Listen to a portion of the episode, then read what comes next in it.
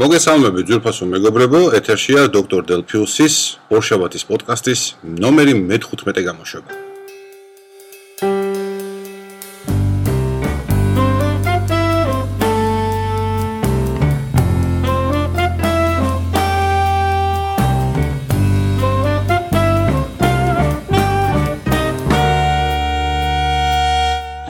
ესე იგი, დღეს გახლავთ 30 ივლისი ორშაბათი არ არის, სამშაბათია. აა ალბათ შეამჩნევდით, რომ აა გამოვტოვეთ ერთი დღე გადაცემის ჩაწერის სულობაში და ამას გააჩნია თავისი მიზეზი. მაგრამ მოდი ცოტა უფრო შორიდან დავიწყებ. აა გასული კვირა იყო პირადად ჩემთვის დატვირთული სასიამოვნო მოვლენებით, უბრალოდ ერთი კონკრეტული მოვლენით, რასაც ქვია აა ის რომ როგორც იქნა მეღირსა ჩემი სამუშაო მაგიდა სახლში.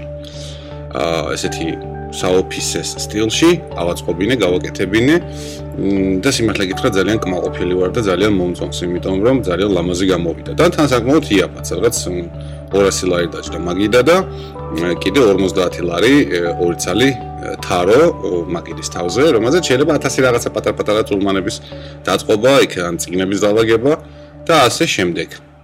ეს ყველაფერი ჩვენ ხუჩაბაც დავასრულეთ. აა ძალიან ბევრი შრომა დაშირდა ხელოსანს იმისთვის, რომ ეს ყველაფერი გაეკეთებინა, იმიტომ რომ რაღაც კედლებში იყო ის სკელი სკელი ბეტონი, რომელიც არაფრით არ გვაძლევდა შურუპების სწორად შეყვანის საშუალებას. მაგრამ საბოლოო ჯამში ეს ყველაფერი დაიძლია ყველა ეს სინამდვილეობა და ეხლა მე მაქვს არაჩვეულებრივი საწერი მაგიდა. თავისი ბევრი უჯრებით რომელშიც იმდენი ჩემი ხლამი ჩაეტია. უშუალოდ ძალიან ბევრი გადავყარე ამ ხლამიდან. აა ძალიან ბევრი კიდე დარჩა და კიდე გადასარჩევია და ანუ ეხლა გადავყარე აი ყველაზე ისეთი გამოუსედაგარი აბსოლუტურად არამუშავ მდგომარეობაში მყოფი ძველმანი რაღაცა რაღაცა ყოფილი მოწყობილობების ნამტროები რომელსაც უკვე პრაქტიკული არანაირი დანიშნულება არ გააჩნია. და მაგრამ დარჩა კიდე რაღაც რაღაცები, იქ დარჩა უამრავი კაბელი, რომელიც უნდა გაირჩეს და უნდა ამოირჩეს რა რისია და რატომ არის აქ ამდენი ხანი შენახული. რაღაც ძველი საბჭოთა მაგნიტოფონების და რადიოების კაბელებია კიდე, რომლებიც ეგრეთ წოდებული თვალსდები ჯულპანს რო ეძახიან და 1000 ეგეთი მსგავსი რაღაცეები არის ჩემი ბავშვობის დროინდელი რადიო ელექტრონიკის მოყვარულობიდან დარჩენილი ნაწილები, ну, რომელთაგანაც რაღაც ნაწილი დაარჩება, ახლა რატომ უნდა გადაიყაროს რეზისტორების მთელი კოლოფი, როდესაც რეზისტორი არ ფუჭდება და არც არაფერი არ მოძდეს და შეიძლება 100 წლის შემდეგაც შესანიშნავ მდგომარეობაში იმყოფებოდეს. და ასე შემდეგ და ასე შემდეგ. მე კვირას იყვნენ ნათესავები. ჩვენ გვაქვს ესეთი ტრადიცია ყოველ საფხულს. აი დაახლოებით ესე ივლისის ბოლოს, აგვისტოს დასაწყისში, აა ჩვენთან ოჯახში ვიკრებებით ხოლმე უახლოესი ნათესავები. და ჩვენ რო ვატარებთ დროს ეს მონატრებულები მრავალი თვის უნახაობის შემდეგ, იმიტომ რომ აა ისეთი ცხოვრებაა, რომ ხშირად ვერ ხერხდება ერთმანეთთან მისვლა მოსვლა, ყოველას თავის საქმეა, ყოველა დაკავებულია რაღაც თავისი პირადი ამბებით, პრობლემებით და ასე შემდეგ და ასე შემდეგ. ამიტომაც ერთი პერიოდი ასეთი ხან ჩვენთან ხან მათთან და მე მესამესთან და ასე შემდეგ. ასე რომ შესაბამისად ორშაბათს დილით მე გახდით საკმაოდ ესეთი მ ნაბახუსები, პახმელიაზე რო იტყვიან და ჩამეძინა. ბანალურად ჩამეძინა და სამსახურში რომ მოვედი, სადაც როგორც იცით მე ვწერამ აა გადაცემებს, უკვე იყო 10 საათი. 11-ის 15 წუთიც კი ასე რომ ვაღიარებ რომ სამსახურში დამაგვიარდა. მაგრამ არაფერი მე მგონი ამაში დიდი საპრობლემო არ მომხდარა. და ნუ შესაბამისად ვინაიდან აქ უკვე ძალიან ბევრი ადამიანი იყო მოსული, დაწყებული იყო სამუშაო პროცესი და თემეც ჩემი უამრავი საქმე მქონდა გასაკეთებელი, რომელიც უშუალო სამსახურს ეხება, თავის თავაცხადია, ვერ მოხერხდა ამის ჩაწერა. საღამოს სახლის პირობებში უკვე ეს შეუძლებელია, იმიტომ რომ მეორე ოთახში ღრიალებს ტელევიზორი. აა ისეთი სიჩუმის დაცვა, როგორც ვთქვათ, აქ ახლა ამდილა ადრიან ოფისში ხერხდება, სახში ვერ ხერხდება. შესაბამისად, გადავწყვიტე, რომ გუშინდელი საღამო დამეთმო კლავ კინო სეანსისთვის. აა მე სადავ თქმა უნდა გავაკეთებ შესანიშნავად გავერთე ფილმებით რამ ფილმებთან დაკავშირებით ოდნავ მოგვიანებით მოგახსენებთ. აა ზოგადად ეს რაღაც ესეთი ტენდენციათ მექცა მე ვკითხულობ რამდენიმე უცხოელ აა მიმომხილველს რომლებიც ყოველ პარასკევს დებენ ერთი კარგი ხარისხიანი მათი აზრით და ჩვენი აზრები ამ შემთხვევაში ემთხოვა ხარისხიანი ფილმის რეცენზიას ეს ფილმი შეიძლება იყოს უახლესი გადაღებული ან საკმაოდ ძველი და ასე შემდეგ და ასე შემდეგ და მე ვცდილობ შემდეგ ნახო ეს ფილმი.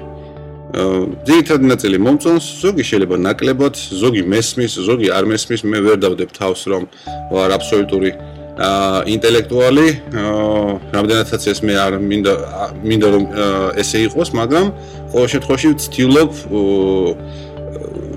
თვით განვითარება არასოდეს არ შევწყვეტ. და ის რომ თქვა შეიძლება თითქმის 40 წლის ასაკში აა შეესაძლოა სხვებისთვის უკვე დიდხანს აღმოჩენილი და გარკვეული და გაკვალული რაღაც თემები ჩემთვის სრულიად ახალი იყოს აა და ეხლა ვსწავლობდე და ეხლა ვიგებდე, ჩემთვის ამაში სამარცხინო არაფერი არ არის, იმიტომ რომ მე ცხოვრებაში ხელმძღვანელო პრინციპით ჯობს გვიან, ვიდრე არასდროს. ამ შესაბამისად ჯობს გვიან ნახო ის ფილმი გვიან ვეზიარო რაღაცა ხელოვნების რაღაც ნიმუშს აა თუნდაც ამ შემთხვევაში ფილმის სახით, ვიდრე არასდროს არ გავაკეთო ეს და დავჩე გაუნათლებელი ჩლუნგი. აი პატრალ ლუჩა ვარტყი. რასაც შეიძლება ვერ ვიტან. კარგით, ეს ისე ლირიკა აა თემები როგორც ადრე მოგახსენეთ, ბოლო 3-4 გადაცემის განმავლობაში გეუბნებით, აა ამ ბოლო გადაცემებში არ არის კონკრეტულად განსაზღვრული. აა იმასაც შეგახსენებთ, რომ დღეს არის მე-15 და ამ სეზონის ბოლო გადაცემა. შესაბამისად, აგვისტოს თვეში თქვენ არ გექნებათ ბედნიერება, ჭყალებში რა თქმა უნდა, აა მისმინოთ მე და რა თქმა უნდა დაისვენებთ, თუ კი ვინმე მისმენთ, რა თქმა უნდა, ეს იცი როგორი ვარიანტია, აი ეს Will Smith-ი რო თამაშობს იმ ფილმში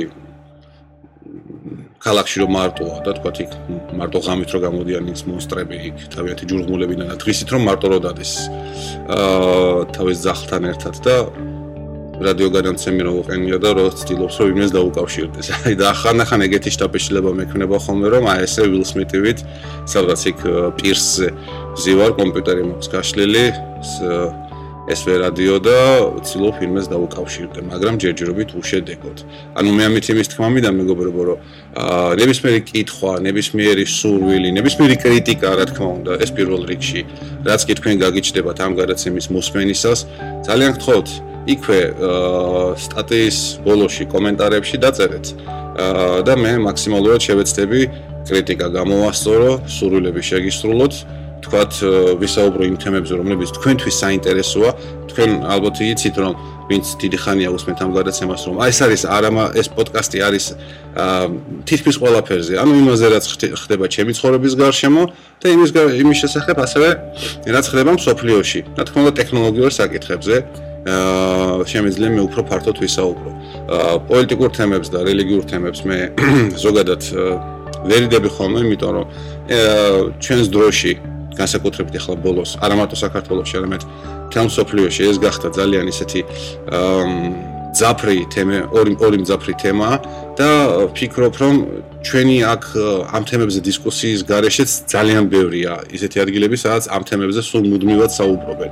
ასე რომ კიდე ერთი დამატებითი ადგილის შექმნა, ვფიქრობ, რომ არ იქნებოდა მაინც მაინც სწორი. ასე რომ შესაბამისად, მოდით ეს ორი თემა ამოვიღოთ. სხვათა შორის აი რელიგიასთან დაკავშირებით მოხდა ერთი არასასიამოვნო ფაქტი ამ რამდენიმე დღის წინათ. აა სიმართლე გითხრათ ას მახსოვს. პარასკევი იყო შაბათი იყო? უფრო პარასკევი ალბათ. აა ჩვენ Facebook-ზე გვაქვს დახურული ჯგუფი, რომელშიც რომელიც რა თქმა უნდა ეხება Apple-ს. და საკმაოდ ბევრი ადამიანი, 650 ადამიანზე უკვე მეტი წევრი ყავს. მე არ ვიცი შესაძლოა არსებობენ არსებობს ქართული ჯგუფები Facebook-ში, რომელშიც ათასობით ან 10000ობით ადამიანი, ყოველ შემთხვევაში უცხოური, რა თქმა უნდა, იქნება ასეთი. აა, მაგრამ ო რაც კი მე ჯგუფებში გავწერიანებულ ვარ, ერთ-ერთი საკმაოდ მსხვილ ჩვენი ჯგუფი გამოირჩევა წევრების მსხვილი ოდენობით. ამით იმის თქმა მინდა რომ, რა თქმა უნდა, როდესაც ბევრი ადამიანია, მათი შეხედულებები ამა თუ იმ საკითხებზე, რა თქმა უნდა, შესაძლოა რომ განსხვავდებოდეს და უნდა განსხვავდებოდეს კიდეც. აა ეს ძალიან კარგია. მაგრამ აა ერთადერთი ალბათ დამეთანხმებით, რომ რელიგიურ თემებთან დაკავშირებით ცოტა უფრო მეტი აა მოფრთხილება გმართებს ერთმანეთის, ცოტა უფრო მეტი მორიდება და სხვების რელიგიური გზნობების გზნობებზე ნაკლებად, ასე ვთქვათ, პედალირება და ნაკლებად გაღიზიანება. რაც სამწუხაროდ მოხდა ჯგუფში, ერთ-ერთ თემაში, ერთ-ერთმა წევრმა კომენტარის სახით დაპოსტა ფრიად ჩემი აზრით, რა თქმა უნდა, შოურაც ყოფილი კომენტარი, რომელიც მე წავშალე და მოუწოდე რომ ცოტა უფრო მორდებული ყოფილიყავით ამ საკითხთან დაკავშირებით, რამაც გამოიწვია ჩვენი ამ ჯგუფის წევრის საკმაო აღელვება და გამოთქმა ისეთი აზრისა, რომ მის აზრს თავისუფალ აზრს და სიტყვის თავისუფლებას ებრძვია. რაც აბსოლუტურად არ შეესაბამებოდა სიმართლეს, ვინაიდან მე არ მიმაჩნია და თუ არ მეთანხმებით და თუ თulit რომ მე ვწდები ამ შემთხვევაში ძალიან ვთქვათ, მაშინ აი ამ თემაზე შეგვიძლია მიგამართოთ კომენტარებში აა ამდენიც გაგეხარდებათ. მე არ მიმაჩნია სიტყვის თავისუფლება და იმის უფლება რომ რაც შენ მოგინდება თქვა ერთი და იგივეთ. სიტყვის თავისუფლება რა თქმა უნდა უნდა არსებობდეს და აზრის თავისუფლება, მაგრამ ეს აზრი არ უნდა შეურაცხყოფდეს სხვა ადამიანებს რელიგიური, რასობრივი, ეთნიკური და ასე შემდეგ და ასე შემდეგ ფიზიკური მდგომარეობებში და ასე შემდეგ და გამომდინარე. ანუ შესაბამისად არ შეიძლება, ну, მაშინ ძალიან ელემენტარულ რაღაცებზე მიწევს ლაპარაკი ალბათ, მაგრამ როგორც ხედავს ხანერთ არ გამოდის. არ შეიძლება შავკანიანებზე, ან თუ გინდათ აფროამერიკელებზე, ან აფრიკელებზე, აფრიკელების დაციმა მათი ფერის, კანის ფერის გამო არ შეიძლება შეზღუდული უნარი უნარის მქონე პირებზე დაციმა იმის გამო რომ მათ ისინი ეთლით გადაადგილდებიან და ან ან არა აქვთ რაღაცა ის ისინი ისეთი საშუალებები მოძრაობის ან რაღაცა საქმეების კეთების როგორც ეს ჩამრთელ ადამიანებს გააჩნიათ. არ შეიძლება ნუ არ შეიძლება რელიგიურ ნიადაგზე იმიტომ რომ თქვა ზოგიერთი ადამიანი არის ქრისტიანი ან მაჰმოდიანი ან იუდეველი ან ბუდისტი და ასე შემდეგ და ასე შემდეგ მხოლოდ აი ამ ნიშნის გამო დაცინვა და აა აპრიორი ასეთი ადამიანის უფრო დაბალი დონის ადამიანად ჩათვლა. ეს ეს კატეგორიულად დაუშვებელი ცნებებია და მე ვერასოდეს ვერ შეურიგდები, სადაც არ უნდა ვიყო და რა სიტუაციაში წამო და მოხდე. ა ნებისმიერი ასეთი სახის რასისტულ და ფაშისტურ გამონათქვამებს, რასაც ადგილი ჰქონდა ჯგუფში. დიდი ბოდიში თუ მისმენს ჩვენი ჯგუფის ის წევრი აა მე პირადად მისადმი არანაირი ადამიანური აა წინააღმდეგობა ან ადამიანური რაღაცა პრობლემები არ გამაჩნია. პირიქით ყოველთვის ვიყავი ძალიან ყოველ შემთხვევაში ვცდილობდი ყოფილიყავი ძალიან მეგობრული და ეს არ იყო უბრალოდ ნათამაშები ეს ხო რეალურად ესეც არის და ფიქრობ რომ აა უნდა გაგრძელდეს კიდე ჩვენი მეგობრობა. უბრალოდ ერთადერთი ჩვენი აზრები დიამეტრალურად განსხვავდება ამ საკითხში და თხოვნა მექნება, არანაირ შემთხვევაში მოთხოვნა ან რაღაცა, უბრალოდ თხოვნა მექნება, რომ არა მარტო თქვათ რომელიმე კონკრეტული ადამიანისადმი, არამედ ზოგადად ადამიანებისადმი, რომ ძალიან გთხოვთ, ვიყოთ უფრო მეტად ფრთხილნი, როდესაც საუბრობთ ისეთ რთულ თემაზე, რასაც ქვია რელიგია, რომ ვინმეს რელიგიური ან ეთნიკური ან ასე შემდეგ და შემდეგ გზნობები არ დავაკნინოთ, არ გავაღიზიანოთ და არ დავამციროთ და არ შეურაცხოთ. აა არ შემეძლო რომ ამ თემაზე არ მესაუბროთ ჩემს გადაცემაში. ვინაიდან ბოლოს და ბოლოს ეს ჩემი გადაცემაა და მე ვთვლი მიზანშეწონილად იმაზე საუბარს, რასაც ვთვლი მიზანშეწონილად. აა და ნებისმიერი სახის დაჩაგვრა ზოგადად ბავშვებიდან არ მიყვარდა. არავის, არასოდეს მე მე ყოველთვის ტანით ძალიან დიდი ვიყავი ჩემს წლებთან შედარებით, ძალაც გაცლებით მეტი მქონდა ვიდრე ჩემს თანატოლებს. და ძალიან გემრიელად შემეძლო ყოველთვის კარგად გამელახა, თქვათ ესა თუ ის ჩემი ეზოს ეზოში ეზოს მეზობელი ბავშვი ან სკოლაში ან ბაღში ან ასე შემდეგ და ასე შემდეგ, მაგრამ ყოველთვის მაქსიმალურად ვერიდებოდი ხოლმე ძალის გამოყენებას, ვინაიდან თვლი რომ ძალის გამოყენება მხოლოდ ბრიყვების ბოლო არგუმენტია, ასე ვთქვათ. და ნებისმიერ შემთხვევაში სიტყვით შეიძლება ადამიანმა უფრო მეც მიაღწიო ვიდრე ძალით. ნუ ძალა ეს ის ყველაზე ბოლო და უკიდურესი არგუმენტია, რომელიც ხანდახან იძულებული ხარ რომ გამოიყენო.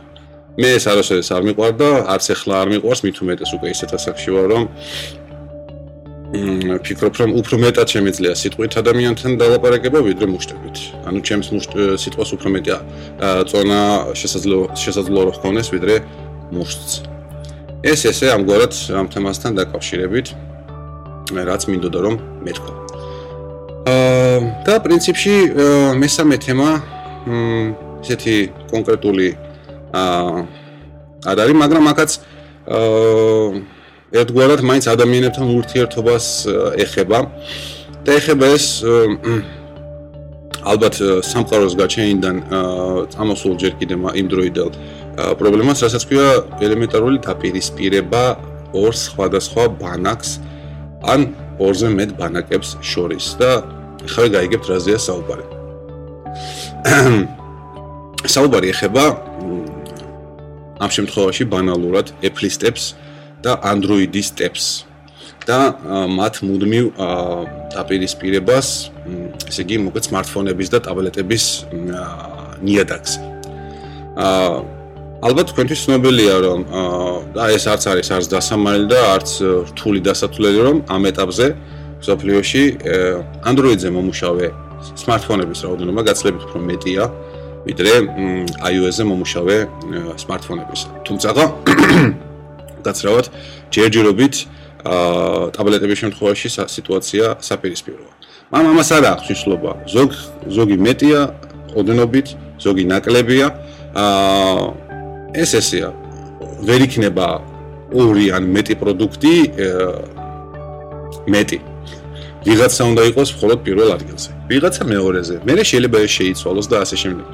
ეს საკითხი ძალიან ფილოსოფიურია ჩემთვის ამ შემთხვევაში და აა უკვე აღარ იწვევს ისეთ ემოციებს და რეაქციებს, როგორც შეიძლება 1 წლის, 2 წლის ან უფრო მეტი ხნის წინათ. აა ცოტა უფრო შორს წავალ და მე უკაკუნებ სადღაც 2007 წელს. მაშინ ჯერ კიდე ფორუმ G-ზე არ არსებობდა ეფლისტების ჯგუფი. ეხლა არსებობს, მაგრამ უკვე ამ ეფლისტების ჯგუფის ვთქვათ, ფორუმის ამ სექციის ზენიტი დიდი ხანია ჩას ვთქვათ გადავიდა. მზე დიდი ხანია ჩაესვენა ამ ამ ჯგუფისთვის, იმიტომ რომ იქ ისეთი დიდი აქტივობა როგორც ეს ხდებოდა ვთქვათ 2009-10 წლებში უკვე აღარ არის 8 წელშიც იყო და ახლობებით. აა მაშინ ეს ერთადერთი ადგილი იყო. ეხლა გაჩნდა რამდენიმე ასე ვთქვათ მოედანი, სადაც ადამიანები იკრიბებიან და ანუ ეს აღარ არის ერთადერთი. მანამდე, სანამ ეს სექცია გაიხსნებოდა, ეფლისტები შეყურჯულები ვიყავით ლინუქსისტების, ანუ როგორც იქვია, პინგვინოლოგების სექციაში და ერთი პაწია საწოდავი თემა გქონდა, სადაც ყველაფერი იყრებოდა. ახალი ამბები, განხილვები, ესე, ისე, ну რაღაც თემა იყო გაბერილი, კილომეტრიანი, და ასე შემდეგ. მე აბსოლუტურად მწوانه ეფლისტი, რომელმაც ჯერ ჰაკინტოში სულ რაღაც რამდენიმე დღეა დააყენა და ჭკუაზე არ არის იმით, რომ აუ ეს რამაგარი რაღაც დააკეთა, იმთან დამჭირდა ძალიან ბევრი დღეების ჯახირი და ბრძოლა იმისთვის, რომ ყველაფერი ამუშავებულიყო. შევარდი და პირდაპირ ვაჯახე, რომ ნუ მეთქი ეფლისა უკეთესოა, მაშინ ჯერ iPhone-ი არ არსებობს. არის მხოლოდ მაკები და მაკების რაოდენობა საქართველოში არის მიზერული. ანუ კომპიუტერებისა, პლეიერებისაც, რა თქმა უნდა, იმიტომ რომ არის ერთადერთი წარმო რეალიზატორი Hamaki, რომელსაც მაშინ ქონდა უბრალოდ კატასტროფული ფასები, რომელიც აა ესე გადიოდა ყოველგვარ ყოველ ყოველგვარ ლოგიკას იყო მოკლებული, ასე ვთქვათ. ამიტომაც, ნუ შესაბამისად პირველების რაოდენობაც გაცლებით ნაკლები იყო და ისინი კიდე ვინც ვისაც სურვილი ჰქონდა რომ შეგვეძინა აა Apple-ის კომპიუტერი ან ტექნიკა რაიმე სახის, ცდილობთ ცდილობთ ეს გაგვეკეთებინა საზღვარგარეთ. მე მაგალითად ჩემი პირველი MacBook Pro შევიძინე Amazon-ზე. აა თუმცა სუსუ პირველი ნოუთბუქი, რომელიც ახლა ჯერჯერობით ჩემს ყოფილ მეუღლეს აქვს, აა ხელზე ვიყიდე თბილისში 600 დოლარად და არ ვნანობ ამ 600 დოლარიდან დოლარში და არც ერთ ცენტს ვინაიდან ძალიან ძალიან კარგი კომპიუტერი აღმოჩნდა ხოლმე დიუმიანი მაგ ესა პოვერბუკი ხო და მოკეთ ეს მწوانه ადამიანი ესე შევარდი და დავიწყე იქ ნუ Apple-ის განდიდება, რა თქმა უნდა Windows უწოდე გლეხური სისტემა, Linux საერთოდ თან არ დაგავიწყეთ Linux-ის განყოფილებაში ვართ, საერთოდ ეს რა არის მეთქი, ვაფშე არ ფთავარგა და ასე შემდეგ და ასე შემდეგ. ну, რა თქმა უნდა, ამით ამის ამით იმის თქმა მინდა, რომ ახალგაზრდული და ასე ვთქვათ, მაწველკაცური მაქსიმალიზმი აა რა თქმა უნდა ადამიანს გააჩნია და ყოველთვის რაღაც პერიოდში ახასიათებს. თუმცა მე ეს გადის ნელ-ნელა დგება უფრო დაღვინების პერიოდი და ასე შემდეგ. აა დაახლოებით იგივე სურათს ვხედავ აა ამ ეტაპზე გოუს ბლოკში. აა ნებისმიერი სტატია, რომელსაც მე ვდებ და მე ძირითადად ვდებ ორი მიმართულებით. ან ეს არის Apple-ის შესახებ ახალი ამბები, სხვადასხვა ნიუსები, აა სხვადასხვა პროდუქტების მიმოხილვებსაც ვაკეთებ ხოლმე. ან და მეორე თემა, რომელიც ჩემთვის საინტერესოა, ეს არის Android-თან დაკავშირებული სხვადასხვა შესაძლოა ცოტათი უარყოფითი კუთხი დანახული ამბები. და რატომ? აა მე მინდა კარგად მიხვდეს ჩემი სმენელი და ნუ თუ იმ ბლოგის მკითხველებიც აქ შემოდიან, მათაც მინდა აუცილებლად გაიგონ, რომ არავითარ შემთხვევაში ჩემთვის აა სიტუაცია, რომ Android-ი ხიხია, ცუდია და ეს მე რაიმე სიკეთეს მომატებს, ეს ასე არ არის, რა თქმა უნდა. ეს რომ ასე იყოს, მაშინ მე ახლა ან მილიარდელი უნდა ვიყო, ან სოფლიოში უბედნიერესი ადამიანი და ასე შემდეგ და ასე შემდეგ. ну, რა თქმა უნდა, ეს სრული სიბრიყვე და სისულელეა. აა მეორე მხრივ, არსებობს სისტემა, ამ შემთხვევაში Android-ი, რომელიც Apple-ის iOS-ისგან განსხვავებით, რომელიც არის შავი ყუთი და ვერაკაც ვერა აქვს შესაძლებლობა ჩაიხედოს მის შიგნით, ну, თუ არ გააკეთა რაღაც სპეციალური რთული манипуляციები არ შეუძლია გაიგოს მისი მუშაობის პრინციპი. ანუ შავი ყუთის პრინციპით მუშაობს მაკის ორთავე საოპერაციო სისტემა, როგორც iOS-ი, ასევე macOS-ი.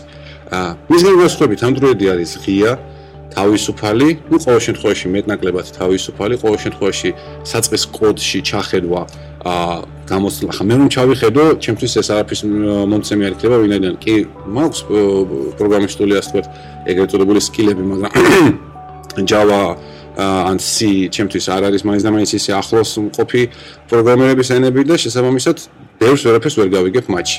ამაში არ არის საქმე. მე სულ ნაკლებად მაინტერესებს Android-ის ბირჩი, იქ NSA რაზდებს და თქვა ჩინელი ჰაკერები რა პაჩებს უკეთებენ ბირჩს და ასე შემდეგ და ასე შემდეგ. ჩინურ მოდელებში.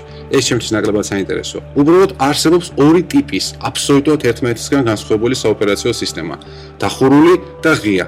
და რაც ყველაზე მნიშვნელოვანია, ორთავეს აბსოლუტური უფლება აქვს არსებობისა. ვინაიდან ორთავეს აქვს როგორც უზარმაზარი პლუსები, ასევე უზარმაზარი მინუსები.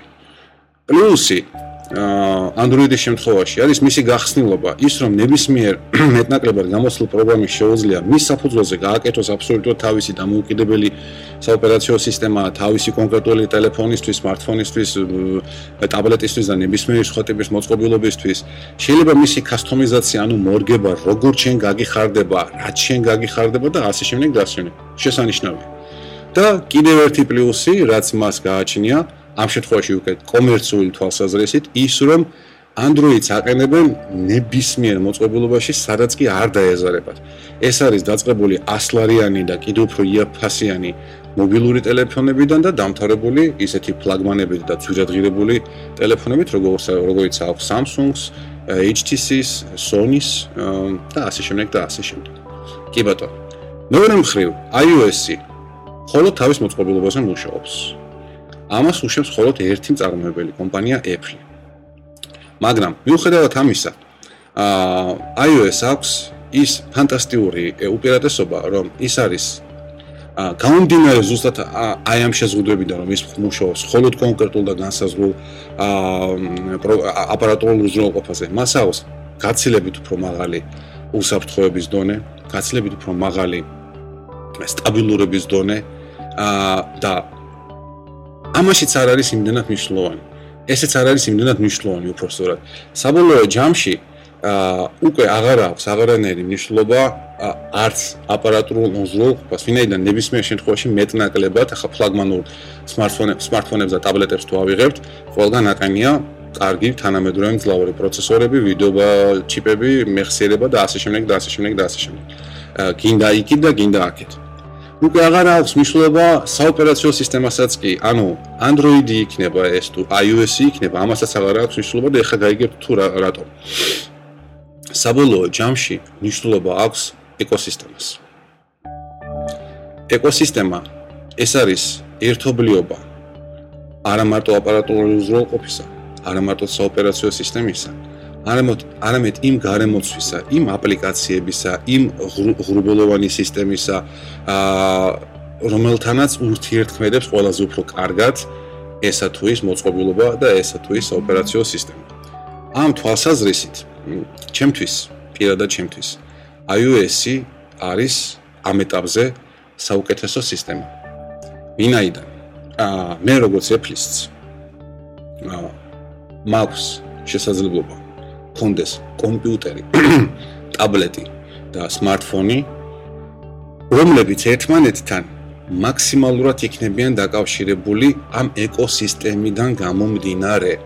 მთელი ინფორმაცია, რომელიც მე გამაჩნია და რომელიც თქვა ატვირთულია რომელიღაც გრუბელში, ну ამ შემთხვევაში iCloud-ში, რა თქმა უნდა, ყველაფერი სინქრონიზირდება ერთმანეთთან. კი, გასაგებია, იმ წუთშივე მეტყვით, რომ ეს არ არის პრობლემა, თქვა Android-ისთვის, ვინაიდან ყველაფერი ინახება Google-ის გრუბლებში, Elpost-ა ინახება, ინახება Gmail-ში, იქ თქვა კონტაქტები ასევე Gmail-ში, სურათები Google Plus-ში, ყოფილ Picasa-ში, აა, ну, რა ვიცი, კიდე Note-ები კიდე სადღაც იქნება აუცილებლად ჩერჭობილი.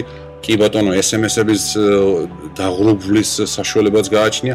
კი ასე შემდეგ და ასე შემდეგ. კი ბატონო, მე თქვენ არ გეკამათებით. მე თქვენ არ გეუბნებით, რომ თქვენ ეს არ შეგიძლიათ. შეგიძლიათ, რა თქმა უნდა, შეგიძლიათ. უბრალოდ ჩემთვის პირადად კონკრეტული ადამიანისთვის, დიმიტრი გოგელიასთვის. iOS-ი არის უფრო კარგი. უფრო მოსახერხებელი. ძვირია?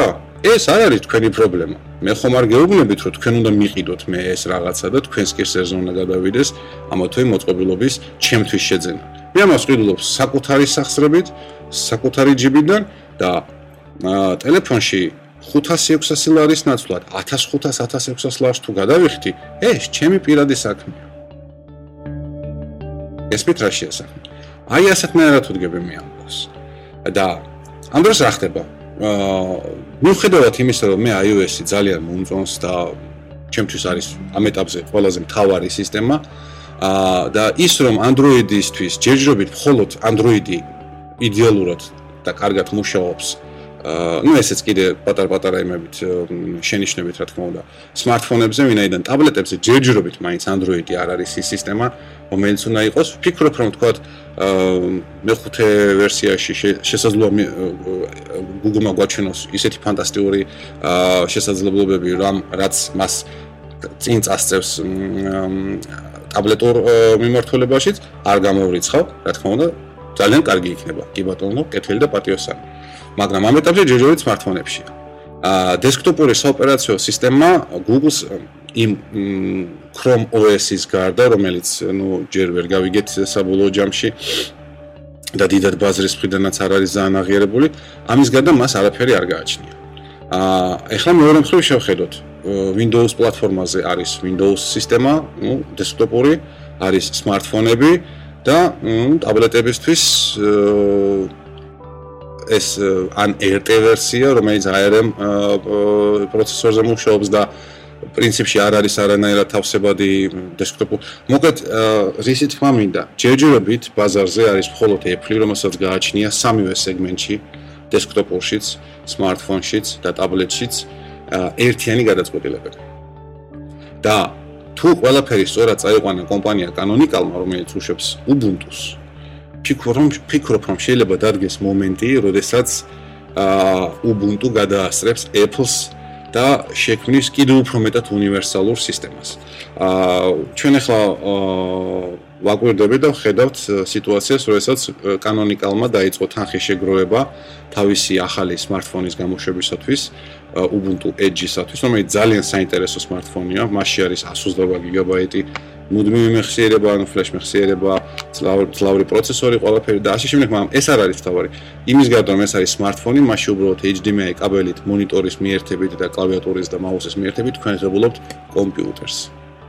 ეს არის ალბათ ძალიან ბევრი თქვენგანის და მათ შორის ჩემი ოცნების საგანი, რომ კონდეს ერთი პატარა კომპაქტური მოწყობილობა smartphone-ი, რომელიც კუჩაში როცა ვიქნები, ეს არის უბრალოდ ტელეფონი და შევძლებ საუბარს, ყველაფერს ინფორმაციის გაცვლას და ასე შემდეგ. მაგრამ სახში მისვლისას მონიტორთან და კლავიატურა მაუსთან მიერთების შემდეგ ის გახდება სრულფასოვანი დესკტოპური სისტემა, რომელიც მე მომცემ საშუალებას ვიმუშაო წნარაჩვი და თანხანახან გავერთო აა თქო რაღაცა ვითამაშო, ან ფილმს უყურო დიდ ეკრანზე და ასე შემდეგ და ასე შემდეგ. Ubuntu ამისკენ მიისწრაფეს. Google-ს ასეთი სისტემა ჯერჯერობით არ გააჩნია. აბა თუ თუ გააჩნია, მაშინ შემისწორეთ. დესკტოპური სისტემა, დესკტოპური არ ნიშნავს უბრალოდ smartphone-ის ინტერფეისის გაწევლას 24 დიუმიან ანუ 50 დიუმიან ეკრანზე. ეს ერთი და იგივე არ არის. Ubuntu შემთხვევაში აა smartphone-ის ინტერფეისი მომენტალურად გადაირთვება დესკტოპურ ინტერფეისზე და მომხმარებელი აგზელებს მუშაობას, თითქოს ეს ჩაოლებრივი დესკტოპური Ubuntu ყოფილიყოს და პრობლემა არა. ნუ რა თქმა უნდა, ბინარულ დონეზე იქ ჯერ კიდევ არის გარკვეული სახის პრობლემები, მაგრამ ფიქრობ რომ ეს იქიდან გამომდინარე რომ პროგრამული უზრუნველყოფა Linux-ისთვის არის ღია და ძალიან ბევრი მოხალისე მუშაობს, ფიქრობ შორი არ იქნება ეს პერიოდი, როდესაც შეიძლება ჩვენ მივიღოთ უნივერსალური ბინარული ფაილები, როგორც x86 სისტემისთვის, ასევე ARM სისტემისთვის. ამის გამოცდილება თუნდაც Apple-ს გააჩნია, როდესაც ერთი ერთი და იგივე binaural ფაილში ჩადებული იყო კოდი, როგორც Intel-ის პროცესორისათვის, ასევე Power PC IBM-ის პროცესორებისათვის და შესანიშნავად მუშაობდა ეს რამდენიმე წლის განმავლობაში, სანამ საბოლოოდ თლიანი ტრანსფორმაცია არ დასრულდა Power პროცესორიდან Intel-ის პროცესორებზე. აა Apple მე დიდი იმედი მაქვს რომ მუშაობს ამავე მიმართულებით, ანუ საოპერაციო სისტემების უნიფიკაციის მიმართულებით, ან თუნდაც თქვა კომპაქტურ მოწყობილობაში აა ორი საოპერაციო სისტემის განთავსებით, ან რაღაც ამდაგვარი და ამდაგვარი. ჩემთვის პირადად რა თქმა უნდა ხაცილებით უფრო სასიამოვნო და სასურველი იქნებოდა სიტუაცია, როდესაც თქვა ერთი კომპაქტური მოწყობილობა, ამ შემთხვევაში iPhone-ი მე შემიცვლი და როგორც smartphones, ასევე desktop სისტემასაც. და ეს რა თქმა უნდა იქნებოდა ძალიან მაგარი. აა წარმოიდგინეთ რაღაც პატარა დოკ შემაპირისპირებელი სადგური, კრედლი დოკი, რომელშიც სახში მივდივარ, ჩავარჭობ ჩემს iPhone-ს, რომელზეც მიერთებულია მონიტორი, კლავიატურა, მაუსი, კაბელით ან Bluetooth-ით, არა აქვს ამას მნიშვნელობა, რომელთანაც მიერთებულია თქვა გარე ხისტი დისკი, რომელიც ტერაბაიტიანი ან 2 ტერაბაიტიანი ან რაღაც ოდენობიანი თქვა იმითი Thunderbolt ინტერფეისით და მორჩა, მეტი არაფერი არ მომჭირდება. ჩავარჭო ტელეფონი და ვიღებულობ ჩაოლებრივ დესკტოპურ macOS ჩემს მონიტორზე. ეს არის ფანტასტიკური შესაძლებლობა და ფანტასტიკური პერსპექტივები ისახება იმისათვის, რომ ჩვენი სისტემები კიდევ უფრო საინტერესო და უფრო მეტად გამოსადეგარი გახდეს. დღევანდელი გადაცემა ძალიან გრძელი გამოვიდა. მგონი აზრი არც დამემთავრდა კიდეც. აზრი კიდე იმაშია უბრალოდ, რომ ადამიანებს ზოგადად არ უყვართ სხვების მოსმენა და ზოგადად ძალიან ბევრი აგრესია ახასიათებთ. მე როდესაც Android-ზე ვწერ კრიტიკულ სტატიებს, ეს გამომდინარეობს იქიდან, რომ მე უფრო მეტად მინდა ის რომ იყოს კარგი. ზოგი ამას ვერ ხედავს.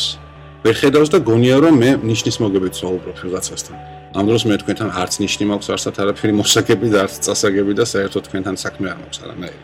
მე უბრალოდ წერ იმას, რასაც ვფიქრობ. ა ზოგადად ეს შესაძლებლობა ადამიანმა წეროს ან ილაპარაკოს ის, რასაც ის ფიქრობს, ა ბევრს აღიზიანებს, ვინაიდან თავისუფალი აზრი ზოგადად ჯერ კიდევ ხშირ შემთხვევაში მიუღებელია ხოლმე ცალკეული პიროვნებებისათვის. მაგრამ მე გამაჩნია ერთი მარტივი პრინციპი. ზაღლიყებს ქარავანი მიდის. აი ამ თბილი და ტკბილი სიტყვებით, დღეს გემშვიდობებით, ასევე გემშვიდობებით ამ სეზონში, გემშვიდობებით სექტემბრის პირველ ორშაბათამდე.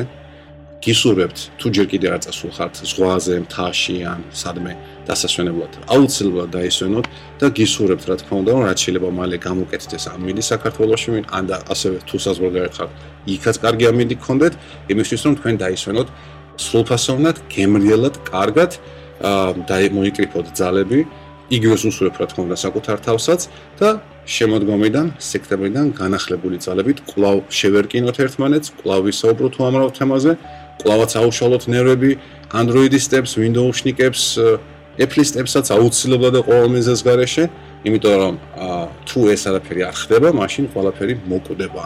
და სიკვდილი კიდე ჩვენ არ გვინდა, ჩვენ გვინდა პირიქით ციცოცხლე, როდესაც კამათში იბადება ჭეშმარიტება.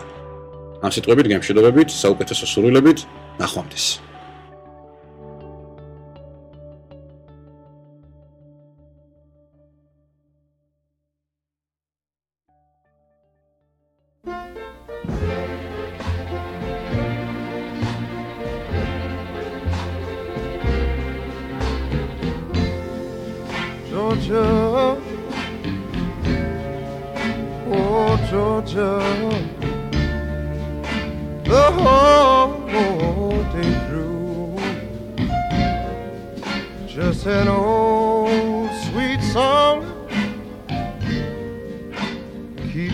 Keeps Georgia oh, my mind, on my mind.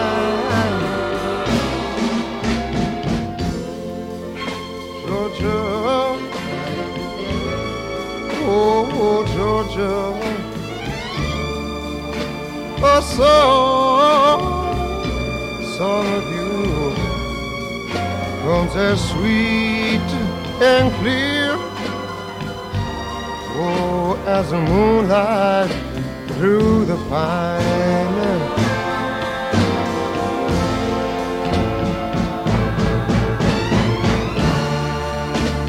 Other arms reach out to me. Other eyes smile tenderly.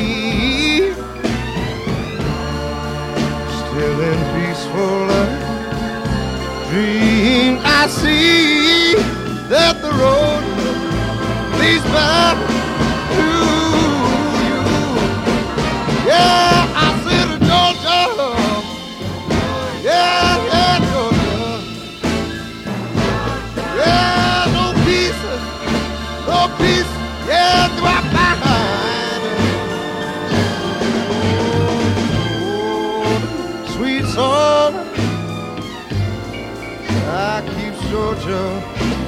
My mind, yeah, oh my mind, yeah, just an old sweet song.